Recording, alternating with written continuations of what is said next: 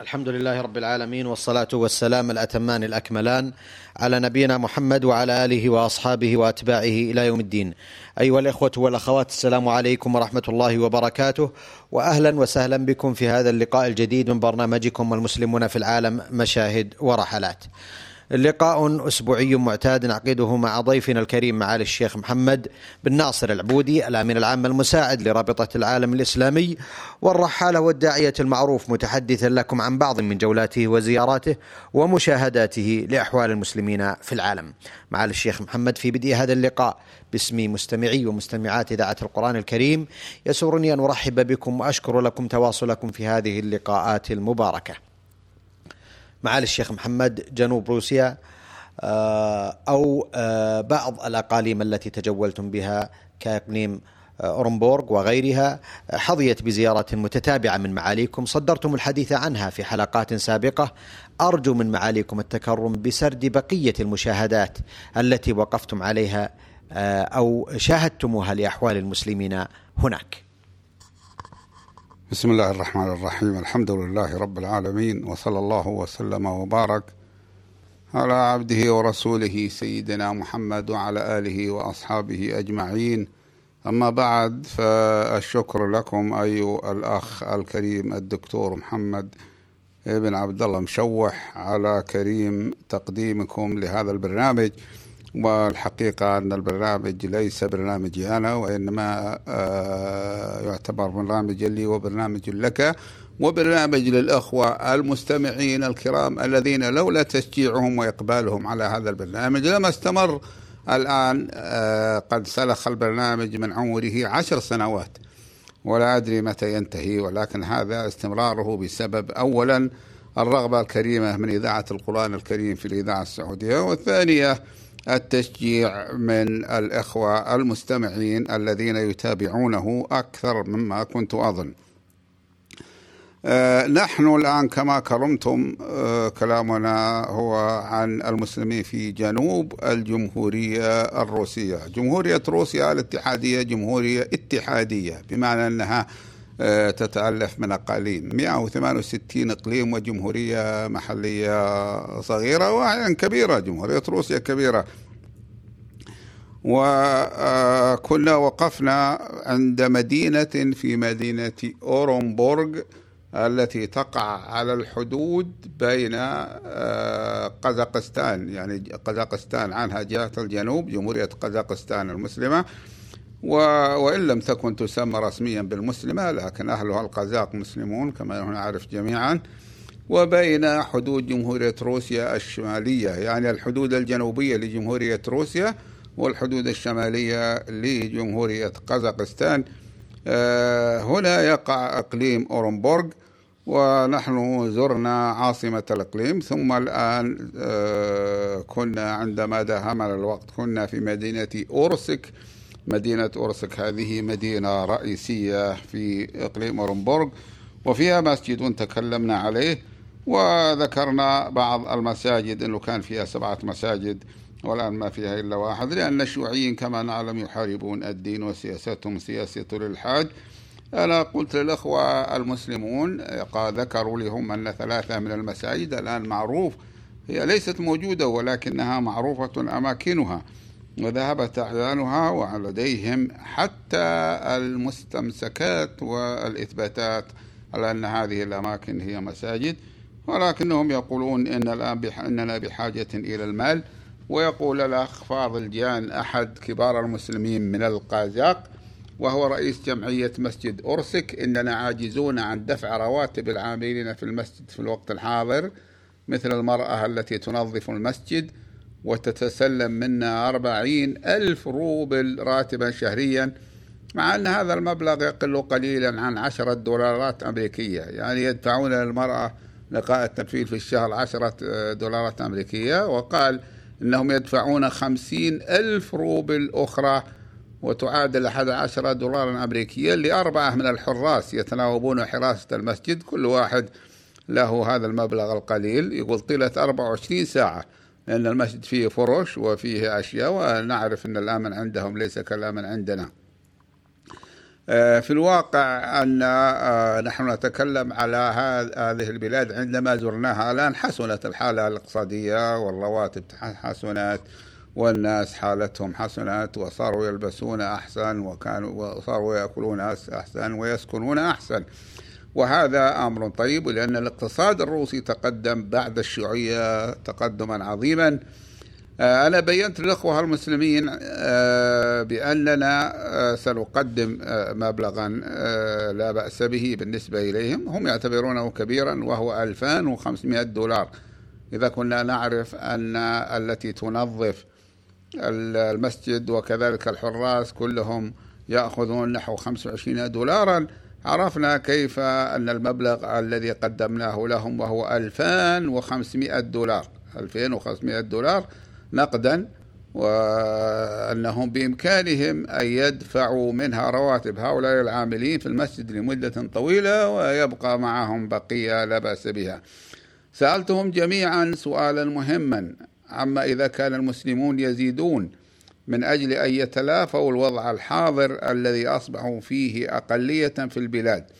فذكر الأخ القذاقي ظاهر جان قادر جان أن المسلمين يزيدون بسبب أنهم يتولدون أكثر مما يتزاود الروس من غير المسلمين. هذا من جهة الولادات. وهذا الأخ قزاقي والقزاق هم يتزايدون أكثر مما يتزايد إخوانهم في الدين ومواطنوهم الذين هم التتار. لأن الأخوة التتريين كنت علمت بعد الدراسة أنا أجريت بنفسي دراسة يعني سألت زعماءهم في عدد من الأماكن في روسيا وكذلك في آه، المناطق الأخرى فأخبروني أنهم لا يزيدون كثيرا من المواليد عن الروس وهذا أمر مؤسف. قلت لهم هنا ما قلته لغيرهم من قبل في مناسبات في مثل هذه المناسبة إنه ينبغي لهم أن يعملوا على تشجيع نسل المسلمين وأن آه، ييسروا الزواج المبكر فيهم عن طريق تخصيص مساعدات لمن يريدون الزواج وعن طريق تشجيع من يكون لهم أطفال أكثر من غيرهم. وقلت لهم أنه يمكن إنفاذ ذلك بوساطة جمعية خاصة تسجل عند الحكومة والحكومة لا تمانع حسب قوانينها في مثل هذه. يكون لها صندوق وتسمى جمعية تشجيع الزواج يكون لها صندوق لهذا الغرض تجمع فيه التبرعات المحلية وتطلب اللجنة التبرع له من المؤسسات الإسلامية في الخارج ومن أثرياء المسلمين الذين لا شك في أنهم سيبادرون إلى التبرع لهذا الصندوق إذا عرفوا الغرض النبيل الذي أسس من أجله. لأن لاحظنا أن كثيرا من أبناء المسلمين وبناته يتأخرون في الزواج لأنه يصعب عليهم أولا المهور والمهر ليس مشكلا بإمكانهم أن يتجاوزوه. ولكن أصعب ما في الأمر هو المساكن. لكن حتى هذا قال لي بعضهم أن المسلمين ليسوا كالروس من غير المسلمين. الروس من غير المسلمين من الصعب عليهم أن يسكن الإنسان مع زوجته عند أهله لأنهم هم ليست لديهم مساكن كافية. بعد الشيوعية لأن حسن وضعهم ولكن المساكن لا تزال الآن غالية. يقول المسلمون عندهم شيء غير هذا هو أنه بإمكان الشاب أن يتزوج ويترك يسكن مع زوجته مع أهله يعني في بيت أهله وهذا أمر متيسر. ولكن كما نعلم إذا كان الزوجان من المتعلمين فالزوج له وظيفة والزوجة له وظيفة ربما لا يعجزون عن آه، توفير آه، أجرة المسكن الذي يحتاجونه. ولكن الأهم من ذلك عندي وكذلك هو في نفس الأمر أن يتزايد عدد المسلمين لأن عدد المسلمين كما نعلم في آه، كثير من البلدان صار التي كانوا فيها في القديم أكثرية الآن صار أقلية. ليس ذلك من أجل أن الروس يتوالدون أكثر من المسلمين ولكن لأنه قدم أناس من السلافيين من الجنس الروسي مثل الأوكرانيين ومثل الروس البيض وحتى بعض اليهود. المهم آه، أننا أنني شجعتهم على هذا ولا أدري هل هو هل هذا هل هم يعني آه، يؤمنون بأن هذا مناسب أم لا.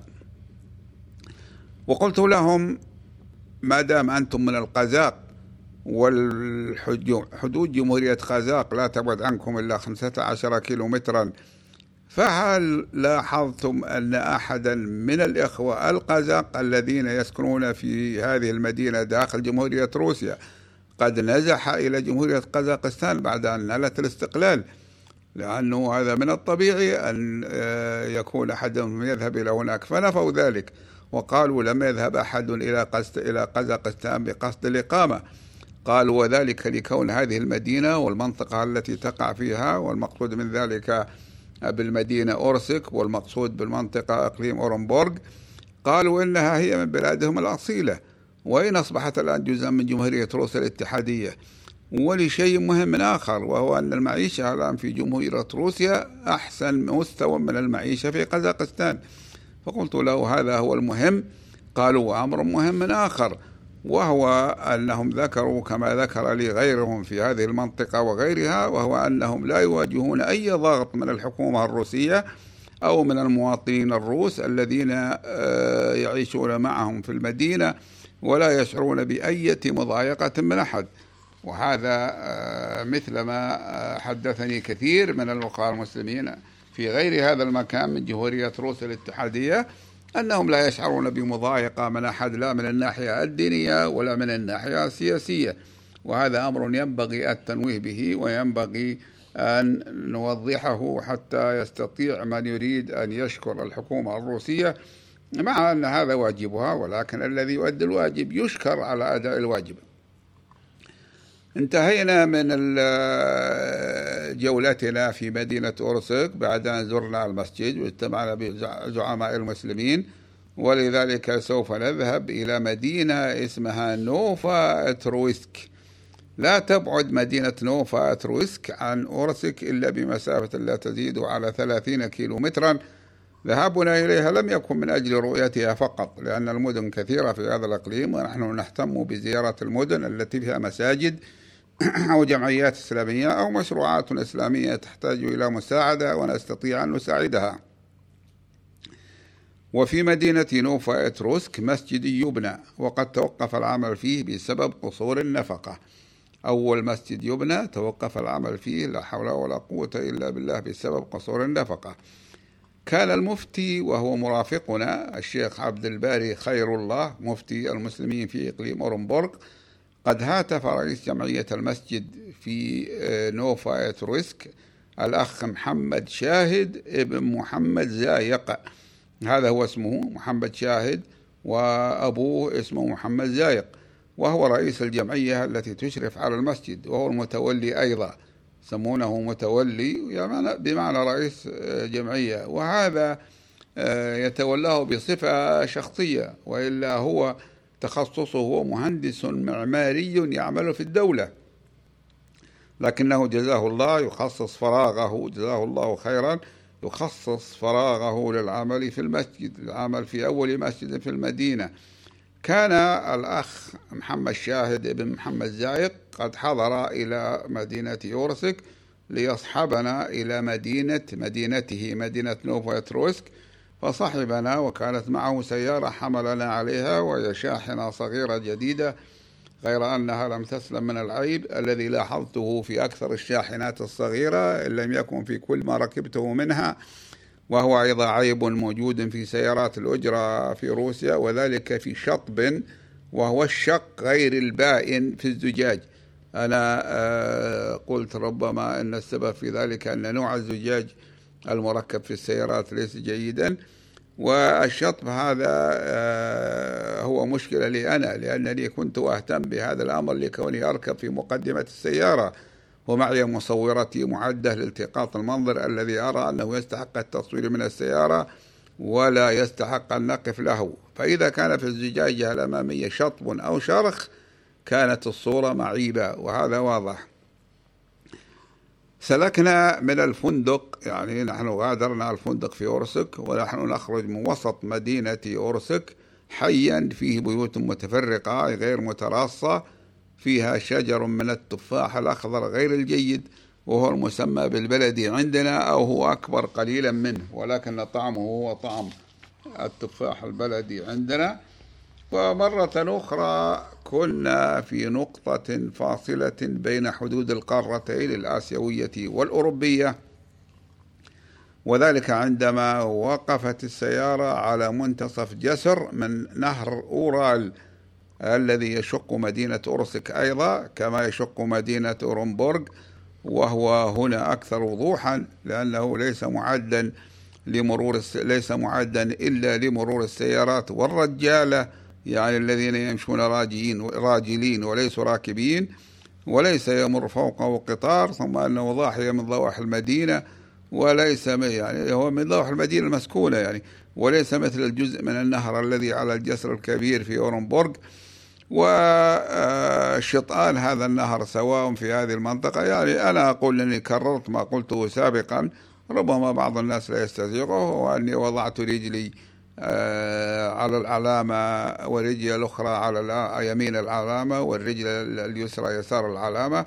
وقلت انظروا أن إحدى رجلي في قارة آسيا والأخرى في قارة أوروبا وهذا أمر تافه ولكن هذا هو الذي يشعر به من يمر بهذا آه، المكان الفاصل بين آسيا وأوروبا.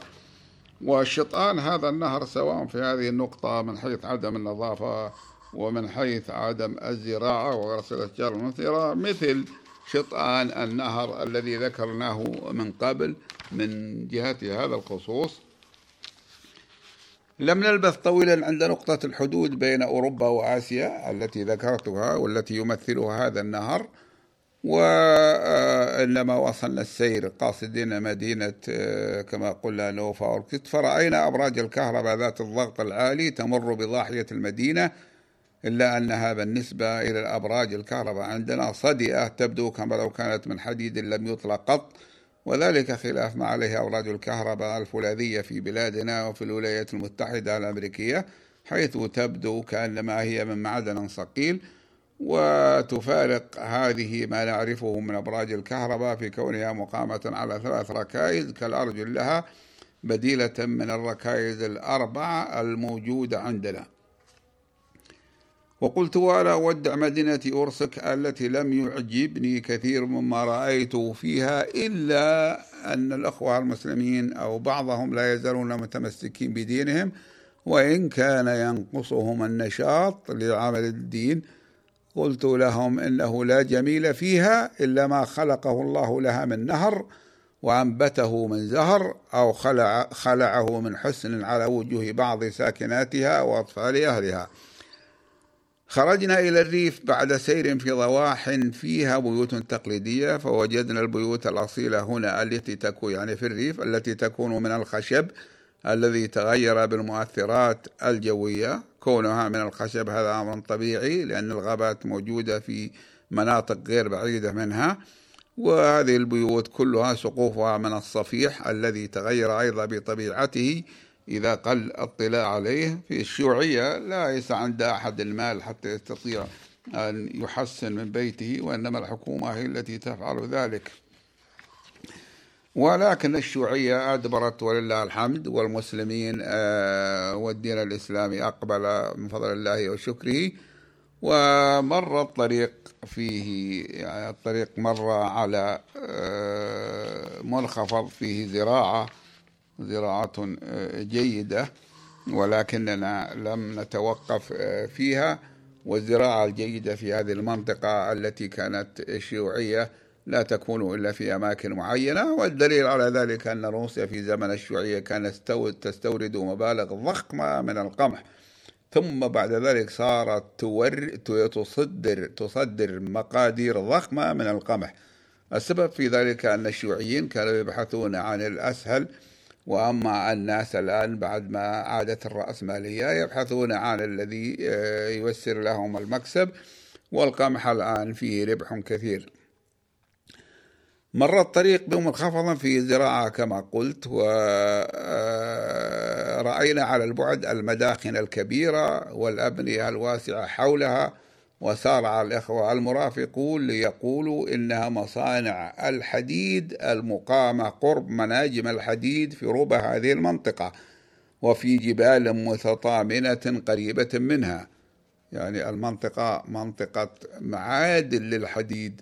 ليس المقصود من ذلك تصنيع الحديد وإنما المقصود استخلاص الحديد من الحجارة ومن التراب وهذا أمر صعب. ولكنهم آه، القوم بحاجة إليه وقد نجحوا بذلك في التصنيع في روسيا وبخاصة في الميدان الحربي. عندما رأيت المداخن تنفث الأدخنة الكثيفة قلت في نفسي لقد أحسنوا صنعا حينما أبعدوا هذه المصانع عن مدينة أورسك كي لا تلوث جوها. ثم تبين لي أنها ليست بعيدة عن مدينة نوفا ترويتسك التي نقصدها وإن لم تكن ملاصقة لها. والمراد بمصانع الحديد هذه التي تستخلص الحديد من التربة. يعني ليس المراد أنها تأخذ الحديد الجاهز ثم تصنعه. لا تستخلصه من التراب ومن الحجارة ثم تحيله إلى حديد صاف صالح للصناعة. وهذا أمر الحقيقة صعب ومهم ومكلف ولكن لا بد منه لكي تكون البلاد بلادا صناعية. وبجانب مصانع الحديد معمل للماء الحار والهواء الساخن اللازم للتدفئة في هذه البلاد الباردة بل الثالجة في الشتاء. ومدخنته مدخنة المعمل الساخن تنفث دخانا أبيض غليظا. ورأيتهم أيضا يدخنون في هذا الجو الذي يخيف مظهرهم من تلوث الهواء.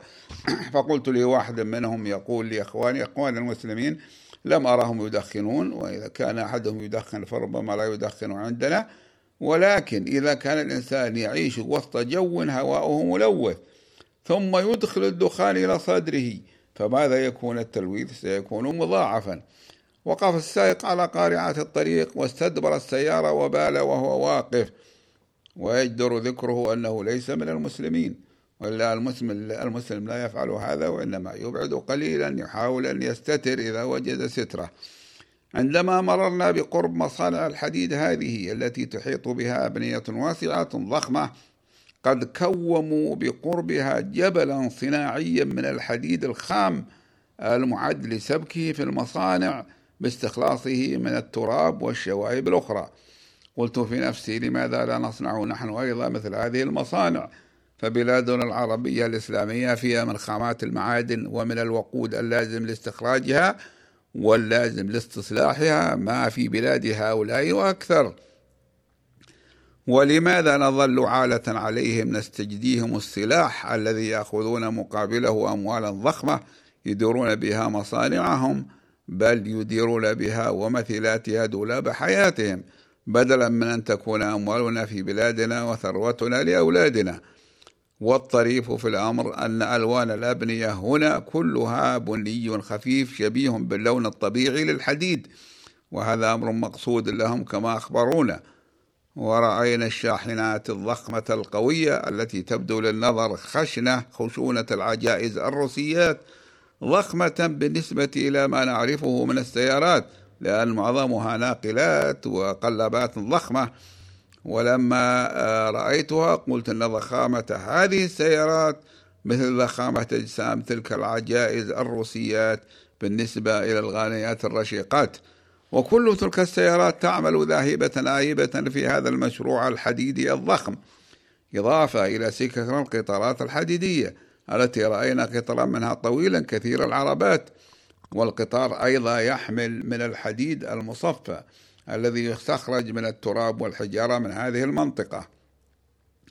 ولاحظت مظهرا من مظاهر البرودة في هذه البلاد في فصل الشتاء وذلك في خزان ماء فوق أحد الأبنية وقد لفوه بما يشبه الخيش والقماش السميك المضاعف المحاط بقضبان من حديد وذلك ليضعوا فوقه شيئا إضافيا يمنع مع الخزانات من التجمد في الشتاء.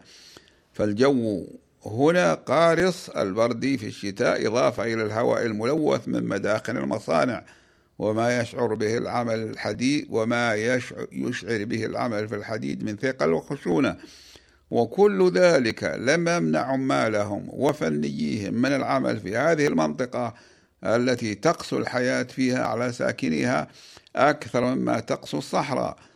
بل الصحراء هي رحيمة بأهلها. بالنسبة إلى هذه البلاد الثالجة في الشتاء. وهذا أمر رأيناه منها لأننا زرناها في أماكن باردة. ليس هذه النقطة ولكن زرنا روسيا وعرفنا بردها كيف يكون. وشيء آخر وهو أن هذه المنطقة تشبه الصحراء لولا بعض الأماكن التي تجري فيها أنهار في أوقات الدفء. ثم تتجمد في فصول البرد حتى لا ينتفع بها أحد. وهي ليست أراضي سهول متسعة لتستغل في الزراعة في وقت الزراعة ما عدا أماكن منها معينة. فتكون الطريقة المثلى لاستغلالها هي إيجاد المصانع فيها واستخراج المعادن منها. وقلت في نفسي لنفسي أيضا ماذا لو عملنا في صحرائنا مثل ما عمل هؤلاء في أرضهم؟ فعملنا على إنشاء المصانع فيها. وكيفنا أماكن العمل منها كما فعلناه الآن في منازلنا التي تشكو الرفاهية الزائدة. ألا نكون بذلك قد ساوينا بها إذا أنتجت تلك المصانع نساوي المصانع وبين الأراضي المنتجة بالزراعة. بل الصناعة هي أكثر عوائد من الزراعة. الصناعة كما نعلم آه، فرق كبير وبينها. مثلا إذا أخذنا سيارة قيمتها مئة ألف ريال ثم حسبنا ما فيها من المواد الأولية من الحديد ومن الزنك ومن الزجاج فجميع هذه المواد لا تساوي ألف ريال لكن يكون البقية هو عمل جيد وشيء آخر. الساعة التي بأيدينا وهي تكلف 100 ريال أو 200 ريال هذه إذا حسبنا المواد الخام فيها لا تكلف خمسة قروش ولكن البقية هو من مهارة في الصناعة. وعلى هذا فقس حتى نصل إلى الصواريخ والدبابات والأسلحة المتطورة. وكذلك إلى الطيارات سواء طائرات مدنية أو طائرات عسكرية. فالصناعة بالنسبة للصحراء هي أكثر لزوما من الصناعة بالنسبة إلى البلاد الزراعية الخضراء المنتجة لأن الصحراء غير منتجة إلا ما حبى بما حباها الله من المعادن. مثلا بلادنا ولله الحمد حباها الله بمعدن البترول وهذا موجود وقائمة عليه حياتنا الآن. وكذلك عندنا ولله الحمد والشكر من المعادن الأخرى الكثيرة التي يغبطون عليها كثير من الناس ومن الممكن أن نستخرجها إذا احتجنا إلى ذلك في المستقبل بإذن الله. وصلنا مشارف بلدة نوفا إستروكس ونوفا معناها بالروسية الجديدة. أول ما رأيناه في مدخلها قطار كهربائي ضخم ترماي يسير في شارعها الواسع وهي مدينة صغيرة بالنسبة إلى المدن الأخرى. ومع ذلك فيه ترماي. الترماي لا أدري هل يعرفه بعض الأخوة المستمعين. يسمى في الشام ترام. وقد عهدته يجري في بيروت ويجري في الشام ولكنه ألغي من هذه. وألغي أما في القاهرة فكان يجري في أكثر الشوارع وألغي في بعض الشوارع. على اعتبار أنه يضايق السيارات التي تمر من الشارع ولكن هو يحمل الناس بأجور رخيصة وسهلة. أول ما رأيناه في مدخل السي... مدخلها كما قلنا هو ترماي وهو أحمر الطلاء فسلكنا شارعها الرئيسي وهو مستقيم تتقابل فيه عربات ترماي. وهذه نحن أولى بهذا مدنا لأن هنالك مدن سكانها مليون فأكثر هي أحوج إلى أن يكون الترماي في شوارعها وبخاصة إذا كان فيها شوارع واسعة. وقفنا في قلبها التجاري من أجل التقاط الصور التذكارية والتفرج برؤية المارة الذين كانوا فيها كثرا وهم ذو مظهر الروسي. وفيهم نسبة كبيرة من المسنين من شيوخ وعجائز ربما كان هذا لكون الشبان والمتوسطين الآن في أعمالهم لأننا نحن جئنا في وقت العمل. وفي مركز المدينة بنية شيوعية عديدة منتظمة في شارع طويل. والأبنية الشيوعية هي العمارات التي كانت الحكومة الشيوعية تبنيها للناس شققا صغيرة جدا لا يتصور الإنسان صغرها ثم تؤجرها عليهم بأجور رمزية. ولاحظت أن عربات الترماوي التي ذكرتها فيها أكثر من الحافلات وأن الناس يصعدون إليها وينزلون منها بكثرة. ومن قبل المدينة سلكنا شارعا مع ضاحية مشجرة بأشجار كثيفة تكاد تخفي البيوت خلفها فلا يرى الناظر من الشارع إلا هذه الأشجار الجميلة المنظر. وهذا الشارع مزفت وهو ما هو عليه على ما هو عليه من تشجير إلا أن أطرافه وأماكن الأرصفة من علوى التراب. يعني الأرصفة ليست فيها عناية ولا رعاية لها. هذا طبعا تغير الآن عندما حسن اقتصاد روسيا. من المناظر بعد أن تركنا هذا الشارع منظر عجوز تحرق مقدارا ضئيلا من القمامة أمام منزلها وهو منزل منفرد. ربما كانت تسكن فيه وحدها وليس هي هو شقة من الشقق ومع ذلك هي تحرق القمامة القليلة. وكذلك مررنا برجل راكب على فرس شقراء جميلة المنظر معها فلوها الذي يقفز وكلمه ويطير من فرط النشاط. ورأينا أيضا بقرا سمانا ترعى في الأعشاب والحقول غير المزروعة. ورجلا راكبا على حصان غير أصيل فيما يظهر من شكله أي من شكل الحصان. وغير الأصيل هو ما يسمى الكديش عندنا. أحسنتم معالي الشيخ محمد في الحقيقة أستأذنكم آه، لأن أتوقف عند هذا الحد. مقدما شكري وتقديري لضيفنا الكريم معالي الشيخ محمد بن ناصر العبودي الآمن العام المساعد لرابطة العالم الإسلامي والرحالة والداعية المعروف والذي تحدث عن جولة وزيارة من زياراته لأحوال المسلمين في العالم. نلقاكم أيها الإخوة والأخوات على خير في مثل هذا اليوم من الأسبوع القادم وهذه تحية من محدثكم محمد بن عبد الله مشوح والسلام عليكم ورحمة الله وبركاته.